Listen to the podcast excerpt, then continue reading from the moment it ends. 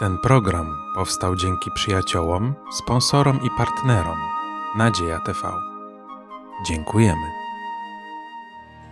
W imieniu własnym i gości w studio serdecznie witam w Kościele Adwentystów Dnia Siódmego w Podkowie Leśnej. Spotykamy się, aby poruszyć zagadnienia zawarte w liście do Rzymian autorstwa apostoła Pawła. Temat dzisiejszego spotkania stan ludzkości. Zapraszam.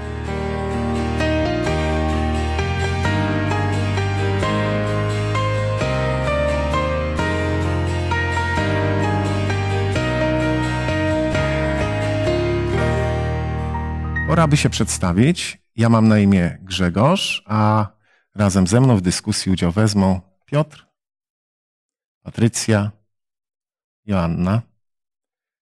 Naszym dobrym zwyczajem jest rozpoczynać i kończyć spotkanie modlitwą i chcemy podobnie dzisiaj poprosić o szczególne Boże prowadzenie, błogosławieństwo właśnie w modlitwie. Pomódlmy się.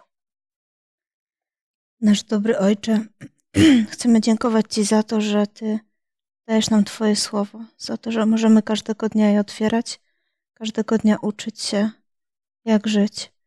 Chcemy Cię teraz prosić o Twoją obecność wśród nas, abyśmy rozmawiając mogli przekazywać Twoje myśli i Twoje zrozumienie tego, o czym będziemy mówić. Prosimy Cię, pozostań z nami, bądź też ze słuchaczami, którzy będą oglądać to studium. Prosimy Cię, nie opuszczaj nas i pozostań z nami w imieniu Pana naszego Zbawiciela, Jezusa Chrystusa. Amen. Amen. Amen. Moi drodzy, cieszę się, że możemy porozmawiać na temat listu do Rzymian. Dwa poprzednie spotkania dotyczyły autorstwa listu do Rzymian, samej myśli związanej z powstaniem tego listu, do kogo adresował apostoł Paweł ten właśnie list, jak się znalazł w Rzymie. A dzisiaj porozmawiamy o stanie ludzkości. Całkiem niedawno mój kolega zapytał mnie, jakim tematem zajmiemy się podczas dzisiejszego spotkania. I gdy powiedziałem, że stan ludzkości, to stwierdził, no to będziecie mieli możliwość ponarzekania. A że to taka nasza narodowa przywara, no to chyba w kontekście tych trzech pierwszych rozdziałów rzeczywiście apostoł Paweł wykazuje słabość ludzkiego życia w świecie grzechu. I o tym przyjdzie nam dzisiaj troszkę podyskutować. Oczywiście pojawią się elementy tchnące nadzieją, bo będziemy mówili o Ewangelii, ale żeby Ewangelia nabrała pewnej wartości, no musimy opowiedzieć po prostu o tym stanie ludzkości. Chciałbym poprzedzić pierwsze nasze pytanie, które Wam postawię do dyskusji, fragmentem z drugiego listu do Tymoteusza, z trzeciego rozdziału. I tu Piotrze bardzo bym prosił o przeczytanie pięć pierwszych wersetów. A to wiedz, że w ostatecznych dniach nastaną trudne czasy. Ludzie bowiem będą samolubni, chciwi, chełpliwi, pyszni, bluźniący, nieposłuszni rodzicom, niewdzięczni, bezbożni, bez naturalnej miłości, niedotrzymujący słowa, oszczercy, niepowściągliwi, okrutni, niemiłujący dobrych, zdrajcy, porywczy, nadęci, miłujący bardziej rozkosze niż Boga, przybierający pozór pobożności, ale wyrzekający się jej mocy. Takich ludzi unikaj. Bardzo dziękuję. Chciałoby się zadać, jak tu żyć, prawda, w takim świecie, gdy perspektywa czasów końca no, wydaje się bardzo nieciekawa w słowach zawartych chociażby w liście kierowanym do Tymoteusza. I chciałbym Wam zadać pytanie, tak na początek naszej dyskusji. Jaki w Waszej ocenie jest stan ludzkości obecnie? Gdy bierzemy taki całokształt pod uwagę, gdy myślimy no, o tym, co obserwujemy, o informacjach, jakie do nas docierają, w kontekście również tych słów. Jak to wygląda w Waszej ocenie? No nie jest optymistyczny. To nie jest to obraz optymistyczny. tak bardzo uogólniając. No to, co Piotr przeczytał, no to sama prawda. Okej. Okay. Posłuchajcie pewnej wypowiedzi. Znalazłem taką wypowiedź, która dała mi dużo do myślenia. Paul Johnson, dziennikarz, historyk, publicysta, mnóstwo rzeczy pisze dotyczących właśnie stanu ludzkości w czasach, w których przyszło nam żyć. Taka krótka jego wypowiedź, choć tutaj mam dziewięć kartek. Warto poczytać to, co tak naprawdę napisał. Ostatnio wręcz boję się otwierać gazetę ze strachem przed odkryciem, co znowu potwornego uczynili nasi bliźni. Wszyscy znamy to uczucie. Czy zatem ludzka rasa przetrwa, czy zasługuje na to, by przetrwać? To znaczące, że pierwszym, który wyraził to uczucie od razu dla ludzkości, był sam Bóg.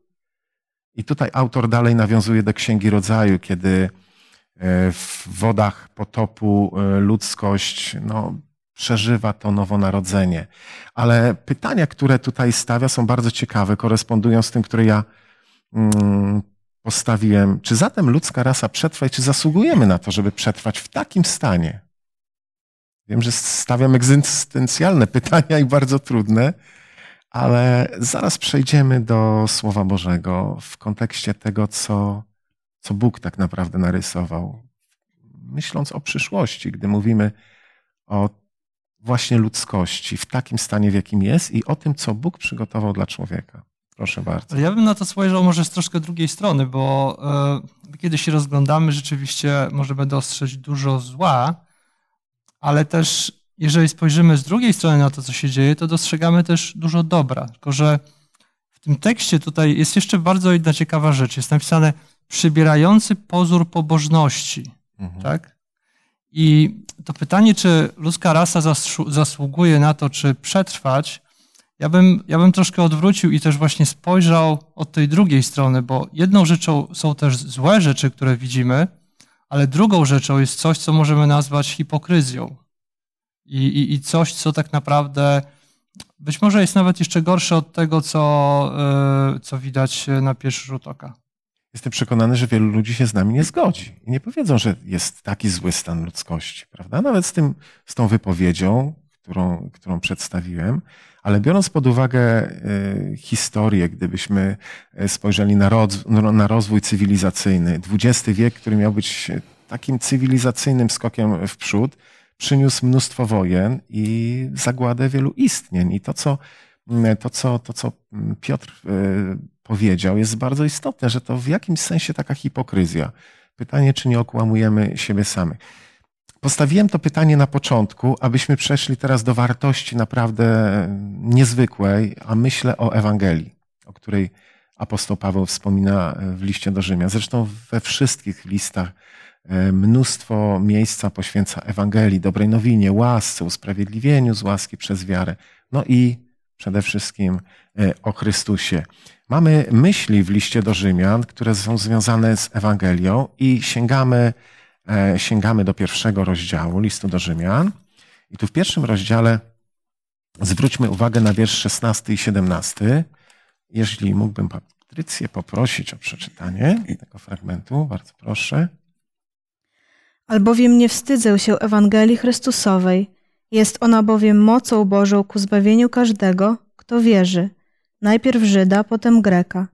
Bo usprawiedliwienie Boże w niej bywa objawione – z wiary w wiarę, jak napisano, a sprawiedliwy z wiary żyć będzie. Mhm, dziękuję bardzo. Gdy czytamy te fragmenty, pewnie podobnie to odczuwacie, ale nasuwa się pytanie, jakąż to moc posiada Ewangelia? Jakąż to moc posiada Ewangelia? Bo Paweł mówi o tym, że y, ta dobra nowina to jest moc ku zbawieniu. Jakaż to moc? Rozszerzę pytanie. Czy ta księga posiada jakąś magiczną moc? Sama księga? Nie. Co zatem w Ewangelii jest takiego, że, że ma tą moc, o której Paweł mówi? Ja bym może znowu sięgnął e, do tego serca, bo rzeczywiście jesteśmy dużo rzeczy o własnych siłach zdziałać, ale to, co daje nam Ewangelia, to jest to jest zmiana, to jest zmiana serca, coś, coś takiego prawdziwego i, i głębokiego. Coś, co nie wypływa tylko z takich zewnętrznych uczynków, no bo często można się zaprzeć z samego siebie i naprawdę robić różne rzeczy, ale to, czego nie umiemy zrobić w żaden sposób, to jest zmiana serca. Mhm, dziękuję. Ale tak może jeszcze mm, pociągnę troszkę tę myśl, bo tu Piotrze wyraziłeś e, bardzo, poruszyłeś bardzo ciekawy wątek. Co daje Ewangelia? No i mamy, załóżmy, Iksińskiego, który sięga po Słowo Boże i zadaje sobie pytanie, co mi może dać ta Ewangelia, tak praktycznie rzecz biorąc. Ja bym tutaj zwróciła uwagę na e, jakby całe wyrażenie, bo samo słowo Ewangelia możemy Mhm. przypiąć do najróżniejszych e, aspektów, ale wydaje mi się, że najważniejsze w tym tekście jest określenie Ewangelia Chrystusowa, Dokładnie. czyli właśnie to, że całe Słowo Boże skupia się wokół Chrystusa, wokół tego, kim On jest i co On zrobił.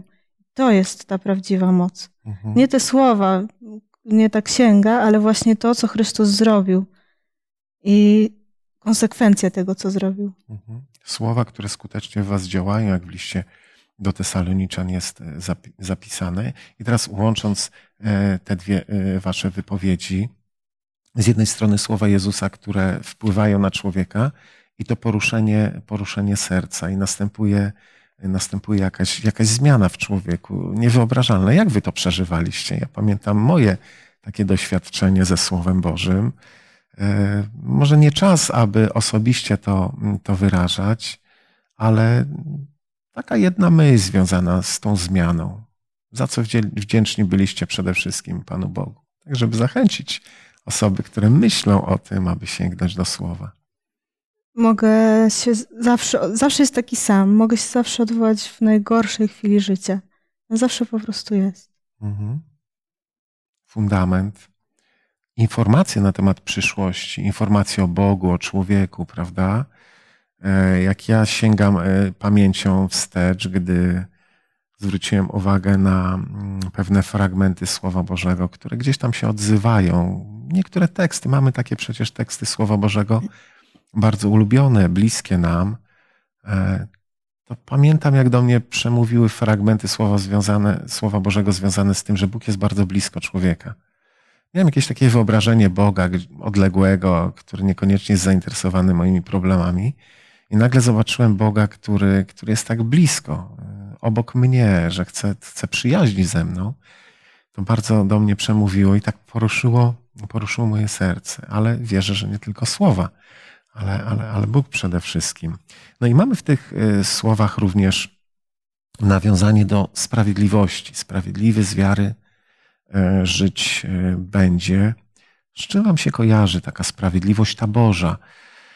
Bo dużo dzisiaj w mediach mówi się o sprawiedliwości, różnie rozumianej, różnie pojmowanej. Ta Boża sprawiedliwość jest chyba inna. Jak ją można zrozumieć na podstawie tego fragmentu przeczytanego z listu do Rzymian?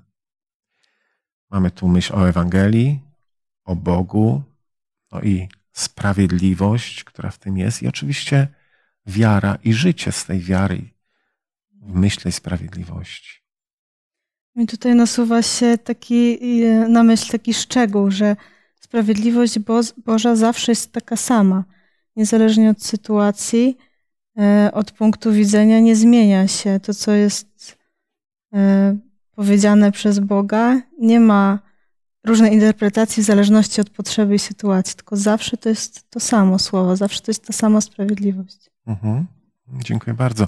Mamy taką przypowieść o pracownikach winnicy. E, Gdy pierwszy raz sięgnąłem do tych słów, to myślałem, że rzeczywiście to jest troszkę niesprawiedliwe. Jeden pracował dłużej, drugi krócej, a taka sama zapłata.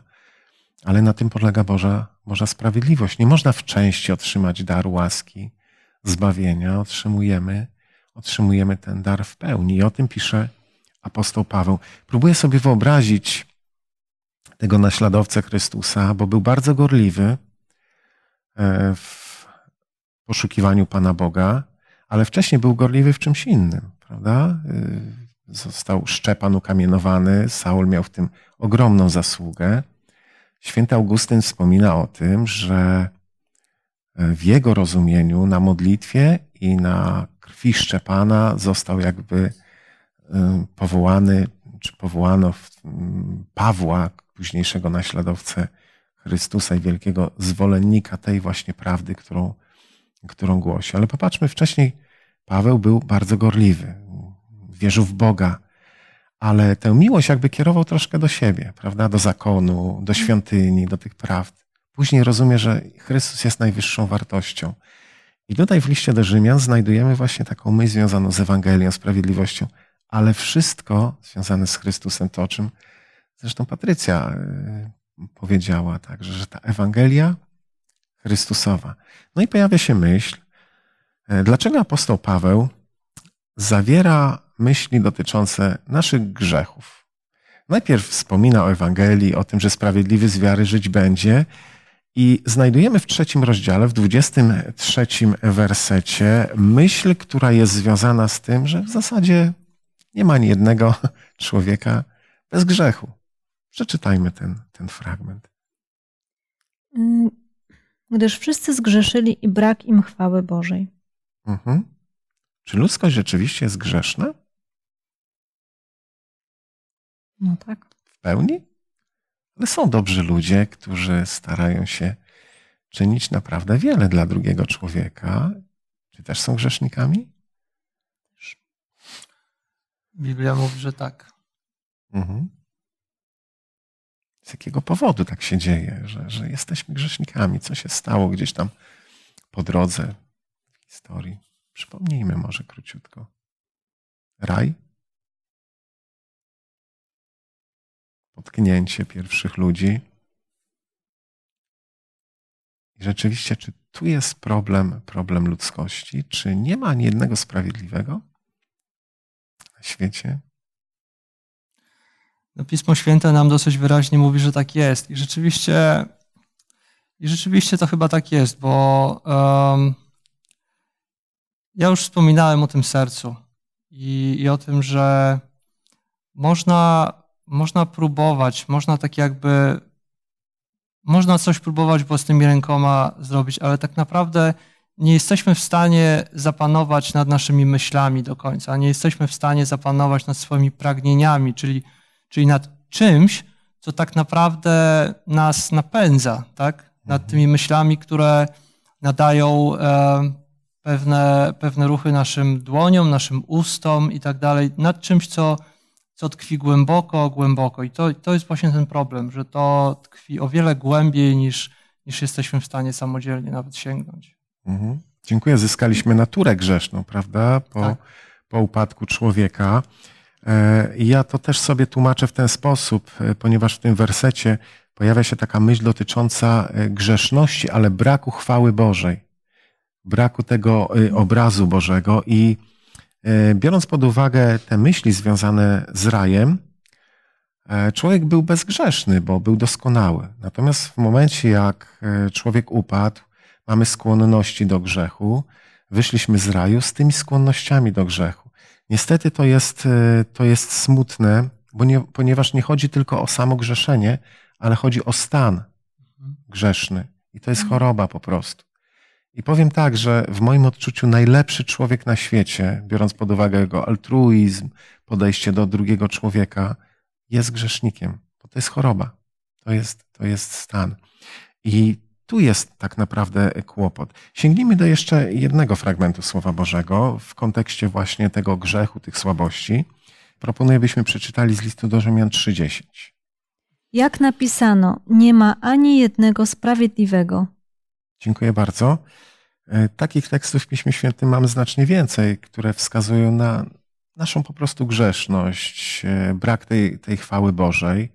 I tak naprawdę zatraciliśmy ten obraz Boga w sercu. I Bóg próbuje to odbudować dzisiaj w tym świecie, właśnie w człowieku. O czym czytaliśmy wcześniej, o czym mówi Paweł. E, o tej Ewangelii Chrystusa, o tej sprawiedliwości, w której żyć możemy z wiary. Taka może ilustracja. Nie wiem nawet, czy wydarzyła się naprawdę, ale kiedyś e, przeczytałem taką ciekawą historię. Jeden z carów odwiedził więzienie e, i podchodził od celi do celi, pytając, czy słusznie skazano więźnia. No i oczywiście więźniowie mówili, nie, nie, nie, nie, ja powinienem być wolnym człowiekiem. Być może znacie tę historię. Gdy dotarł do jednej z ostatnich cel, więzień powiedział, tak, słusznie tu karę odbywam. I tego więźnia car kazał e, uwolnić. Dlaczego? No prawdopodobnie dlatego, że ten człowiek właśnie był świadomy swojej grzeszności, świadomy tego błędu, który w życiu e, popełnił. Chciałbym Wam zadać takie pytanie, gdy mówimy o grzeszności, gdy mówimy o grzechu, bo wydaje się, że to jest klucz do przyjęcia Ewangelii.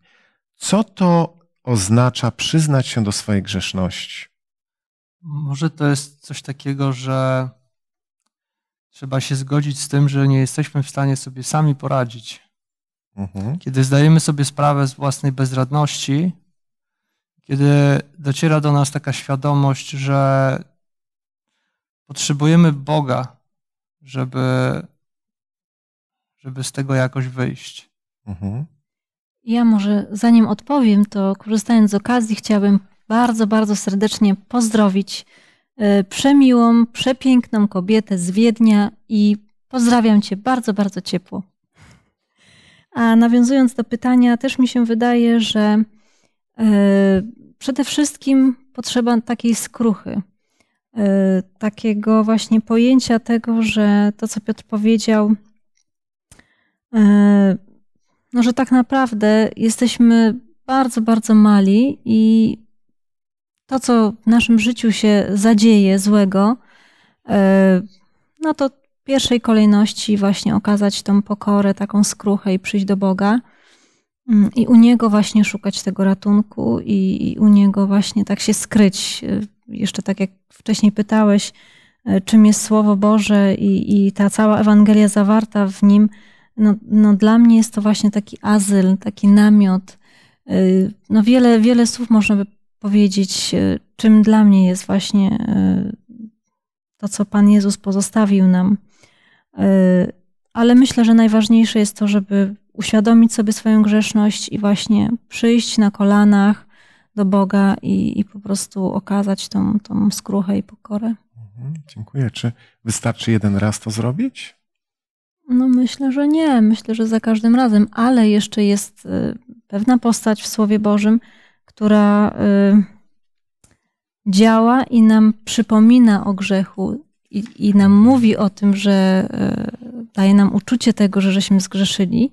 Jest to Duch Święty, który właśnie y, porusza nasze, nasze serce i sumienia, że coś żeśmy złego zrobili, bo wydaje mi się, że bez tego no też moglibyśmy nawet nie czuć tej potrzeby przyjścia do Jezusa, tak? Właśnie bez tego, że Duch Święty działa jednak na nas mhm. nasze serca i sumienia. Dziękuję bardzo. A jak to się dzieje, że jeden człowiek patrząc na jakieś wydarzenie, błąd, twierdzi, że to nie jest grzech, a druga osoba bije się w piersi, klęka i mówi: Boże, wybacz mi, bo straszne rzeczy zrobiłem. W czym jest problem? Gdzie, gdzie tkwi ten haczyk, jak, jak, jak, jak mówimy, w podejściu do, do grzechu? Bo Cały czas mówimy o tym stanie ludzkości i wydaje mi się, że to jest tak naprawdę istota, bo łaska Boża jest rozlana dla wszystkich ludzi, dostępna dla wszystkich ludzi. Tak naprawdę y, ja to przyrównuję często do takiego mm, prostego przykładu, ilustracji, jakbyśmy podłączali jakiś przedłużacz, jedną wtyczkę do drugiej, prawda? Że człowiek musi się włączyć jakby w ten proces i w czym jest kłopot, że wielu ludzi właśnie tak się zapatruje na, na grzech, na błędy, na swoją grzeszność. Gdzie jest, gdzie jest ten problem, że jeden właśnie widzi, widzi wielki problem i mówi: Boże, pomóż mi, ratuj, a ktoś inny mówi: Nie, jestem ok, w porządku, jestem dobrym człowiekiem, nie grzeszę. To jest takie dosyć trudne pytanie. I Wydaje mi się, że znowu trzeba sięgnąć do tego, co się dzieje gdzieś tam głęboko w sercu. I, i też tego, co. Dla mnie to jest. Um, kiedy, kiedy człowiek sięgnie takiego już, e, nie wiem jak to nazwać, ale takiej kompletnej bezradności, to to jest moment, kiedy jesteśmy gotowi przyjąć Boga do serca. Kiedy Bóg otwiera nasze oczy, wtedy zaczynamy widzieć tak naprawdę to, o czym właśnie mówisz tak? Kiedy, kiedy, kiedy widzimy siebie w tym prawdziwym świetle, dopóki, dopóki ciągle mamy jakby siłę na to, żeby robić rzeczy po swojemu, dopóki nie szukamy tego Boga, tak jak zresztą Tutaj czytaliśmy w e, trzeci list do Rzymian, dziesiąty werset, ale w jedenastym jest napisane nie ma rozumnego i nie ma nikogo, kto by szukał Boga. Tak? I to jest, to jest to, co odróżnia człowieka nawróconego od człowieka, który jest nienawrócony. Człowieka, który widzi, kim jest Bóg, a kim jest on sam, od człowieka, który patrzy na siebie i, i, i myśli, że, że jest w porządku. Mhm. Ja bym dodała jeszcze właśnie do, no, w sumie do tego, co i Asia powiedziała, i Piotr, e, że no, dzisiaj jest tak wiele tego zła, że czasem łatwo się zagubić w tym, co tak naprawdę jest dobre, co jest złe. E, I to zdanie, jestem dobrym człowiekiem, czasem stwarza takie fałszywe poczucie bezpieczeństwa, e, ale jest bardzo niebezpieczne. A z kolei przyznanie się do tego, że nie jestem dobrym człowiekiem, dla mnie osobiście jest takim wentylem bezpieczeństwa, bo to jest właśnie tak, jak Piotr powiedział, to jest moment, kiedy wiem, że ja już nie jestem w stanie nic z tym zrobić, ale najważniejsze, żeby też na tym zdaniu nie, nie poprzestać, tylko właśnie pamiętać, kogo się wtedy uchwycić. Mhm.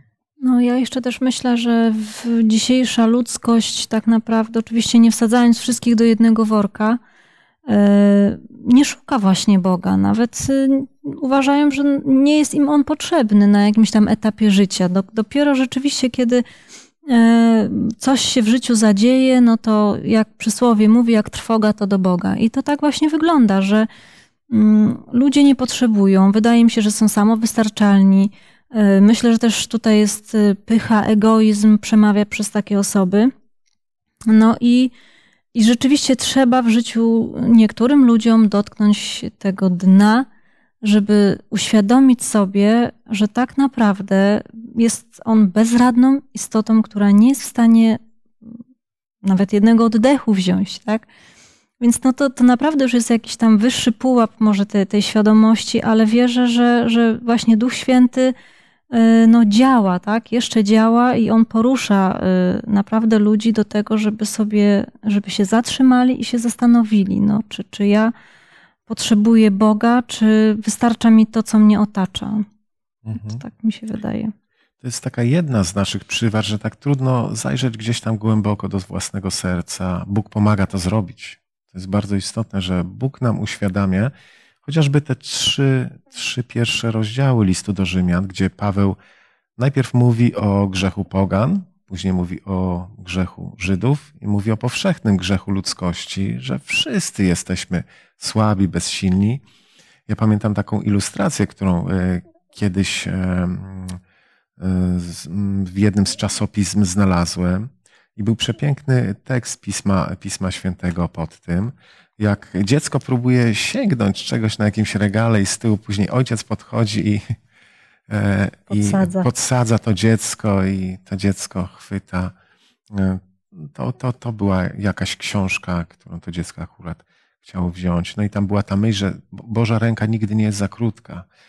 E, I coś w tym rzeczywiście jest, tylko pytanie, czy, czy chcemy sięgnąć po to, ponieważ w dzisiejszych czasach, jako ludzkość, szczycimy się pewnym postępem, rozwojem. E, wielu ludzi podważa w ogóle istnienie Boga jako, jako takiego. Mówi, że to legendy, e, czy, czy, czy jakieś po prostu historie wyssane z palca. Dzisiaj nie można udowodnić istnienia Boga.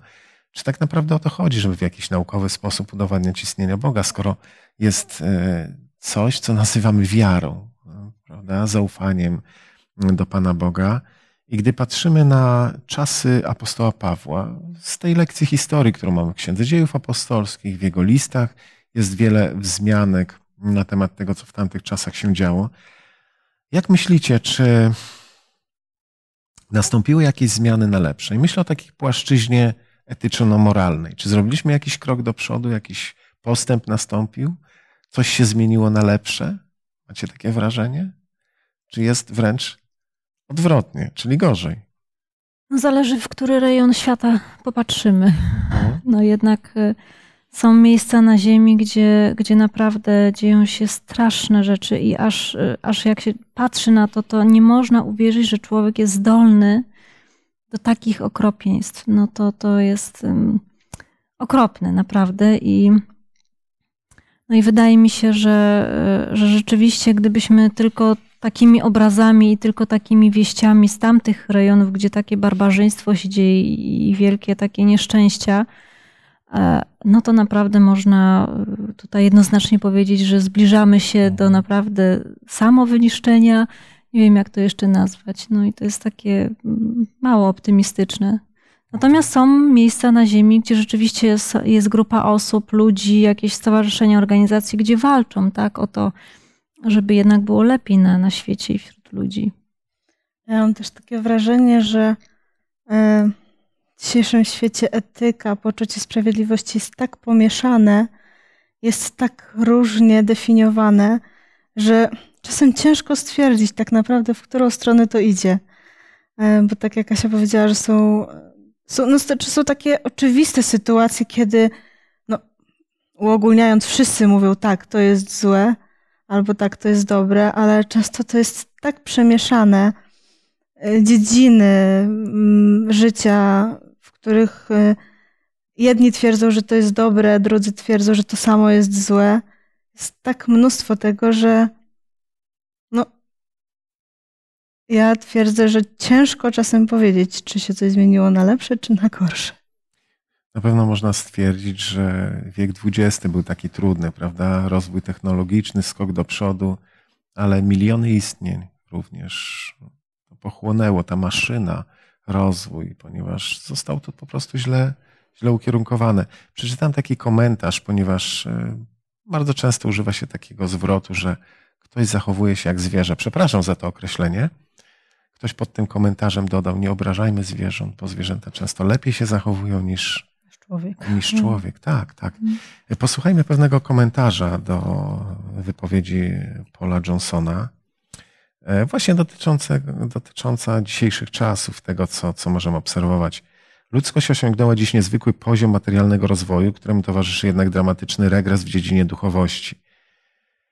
Gatunek ludzki przetrwał, potrafi przystosować się do zmiennych warunków klimatycznych, rozwijał też zdolności intelektualne, które pozwoliły mu opanować Ziemię i zbudować na niej swoją cywilizację. Jednocześnie naturalna skaza obecna w człowieku i jego pogoń za ideałami sprawiły, że ludzkość, mimo wspaniałych osiągnięć, co jakiś czas spada na samo dno. Takimi okresami duchowego upadku były nie tylko kolejne wojny czy triumfy totalitaryzmu w XX wieku, ale także epoka uświęcenia z jej naczelną ideą samouwielbienia człowieka i rozumu. Sekularyzacja, odrzucenie religii i namysłu nad sprawami boskimi spowodowały według Johnsona zanik ostatnich barier ograniczających dotąd niszczycielską moc ludzkich wad. Ach, niestety można jeszcze długo narzekać, twierdząc, że tak, że tak jest, y, ale zaraz podelektujemy się dobrą nowiną, Ewangelią, bo nie chciałbym, abyśmy szli w kierunku i kończyli tak naszą, naszą lekcję. Ponarzekaliśmy już dość dużo na temat stanu ludzkości. Rzeczywiście nie wygląda to, to najlepiej. Walczymy ze sobą, boimy się wyjeżdżać za granicę, ponieważ słyszymy o zamachach terrorystycznych. No to jest po prostu przerażające. Ten świat idzie, idzie w złym kierunku. I takie pytanie nasuwa się, czy no, chrześcijanie mogą cokolwiek zrobić, by to, by to zmienić. Ja pomogę może pewnym fragmentem ze Słowa Bożego. Otwórzmy list do Efezjan, piąty rozdział. I tutaj w tym fragmencie wydaje się, że Bóg przez Pawła nam odpowiada. Piąty rozdział listu do Efezjan, wiersze od 18 po 14. Rozumiem, że chodziło Ci o list do Efezjan, piąty rozdział, wersety 8 do 14. Tak jest. Byliście bowiem kiedyś ciemnością, lecz teraz jesteście światłością w Panu.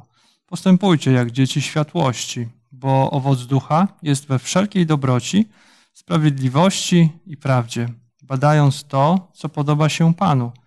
I nie miejcie nic wspólnego z bezowocnymi uczynkami ciemności, ale raczej je strofujcie. O tym bowiem, co się u nich pokryjomu dzieje, wstyd nawet mówić.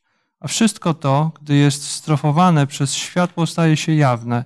Co wszystko, to wszystko bowiem, co ujawnia, jest światłem. Dlatego pismo mówi: Obudź się, który śpisz, i powstań z martwych, a zajaśnieje ci Chrystus. Mhm, dziękuję bardzo. Mamy inny fragment. Nie będziemy tego tekstu czytali. Myślę, że dobrze również znany w drugim liście do Koryntian, w piątym rozdziale. Tam myśli o nowym stworzeniu. I wydaje mi się, że chrześcijanin właśnie tak zaczyna patrzeć na świat, gdy pozwala na to, by Bóg zagościł w jego sercu, o czym Piotr wspominał. Myślicie, że jest realna zmiana sytuacji na świecie?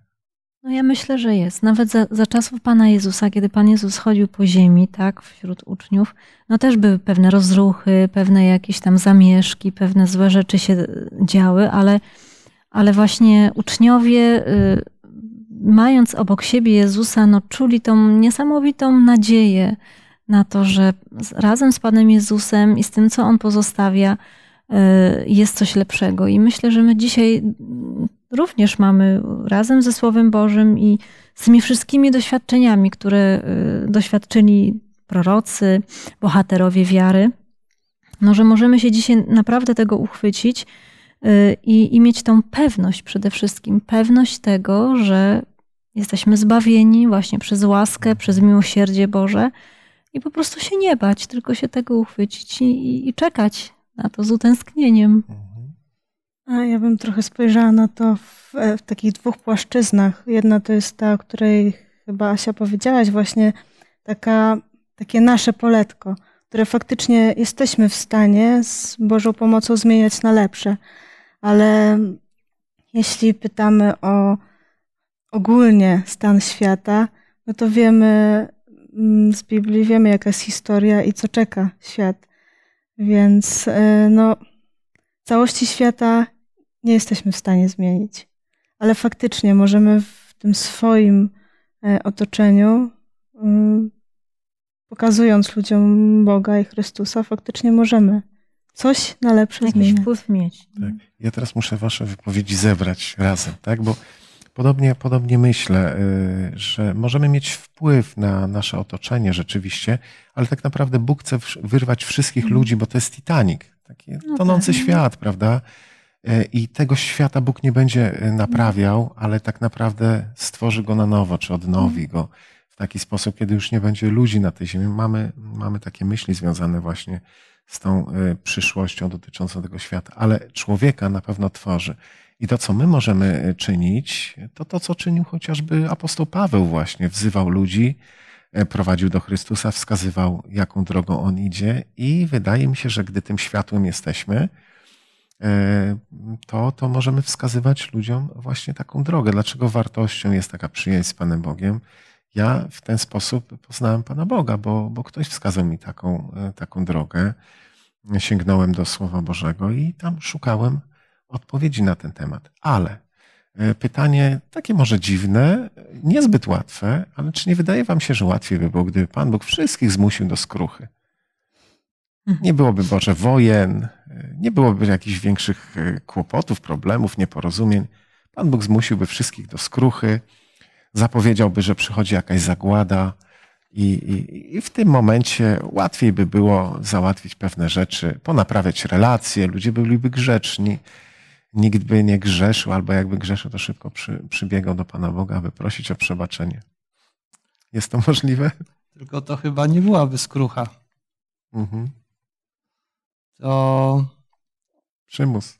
tak. To byłaby taka Mhm. bomba z opóźnionym zapłonem, Dokładnie. bo ktoś w pewnym momencie by nie wytrzymał.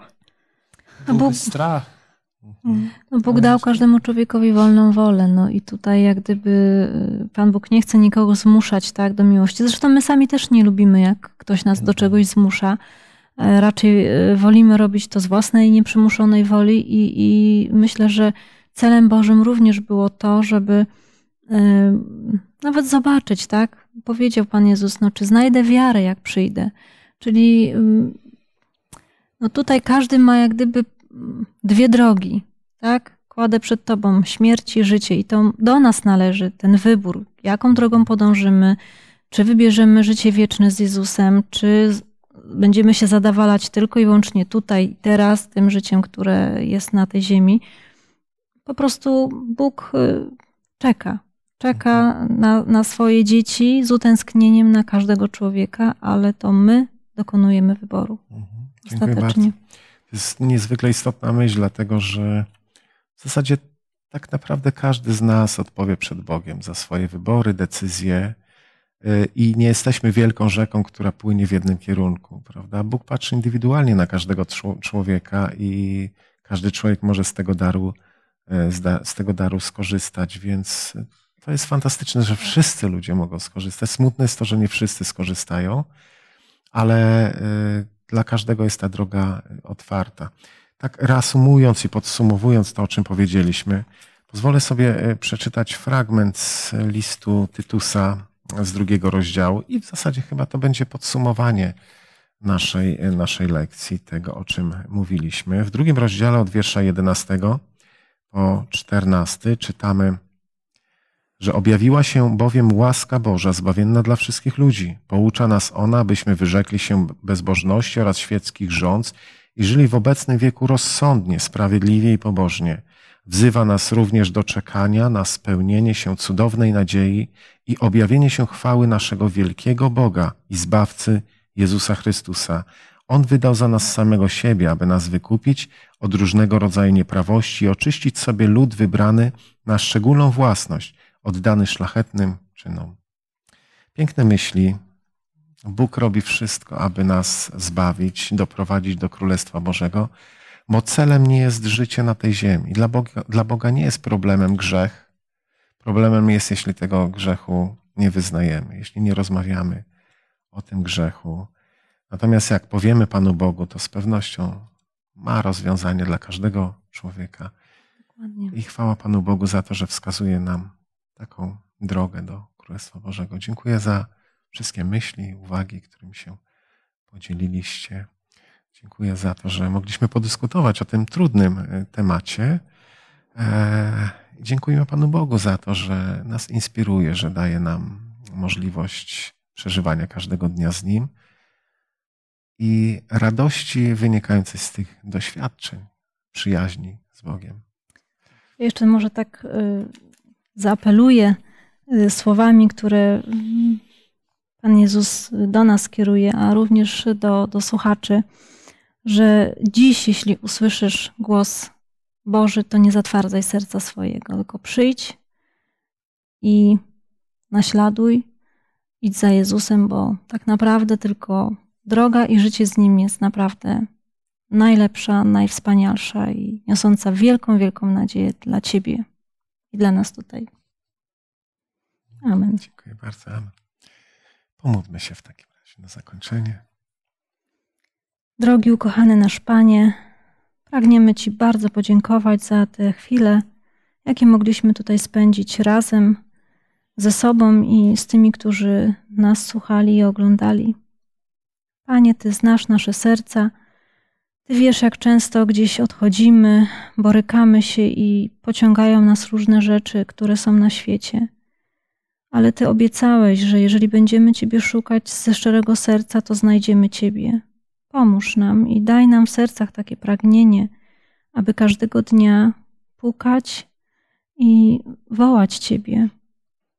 Abyśmy, Panie, mogli wytrwać do Twego przyjścia a kiedy przyjdziesz, to żebyś powiedział, że znasz nas, że jesteśmy Twoi. Oddajemy nas i wszystkich, y, którzy nas słuchają, na ten cały tydzień pod Twoją opiekę, abyś nas prowadził, a Duch Boży niech porusza nasze serca. W imieniu Jezusa dziękujemy. Amen. Amen. Jeszcze raz serdecznie Wam dziękuję za Wasz udział. Dziękujemy Wam, drodzy widzowie, za czas spędzony razem z nami. Życzymy wielu Bożych błogosławień i przede wszystkim zwycięstw w Bogu, zapraszając na kolejne nasze spotkanie, które odbędzie się już za tydzień pod tytułem, przewodnim tytułem Usprawiedliwienie przez wiarę. Serdecznie zapraszamy.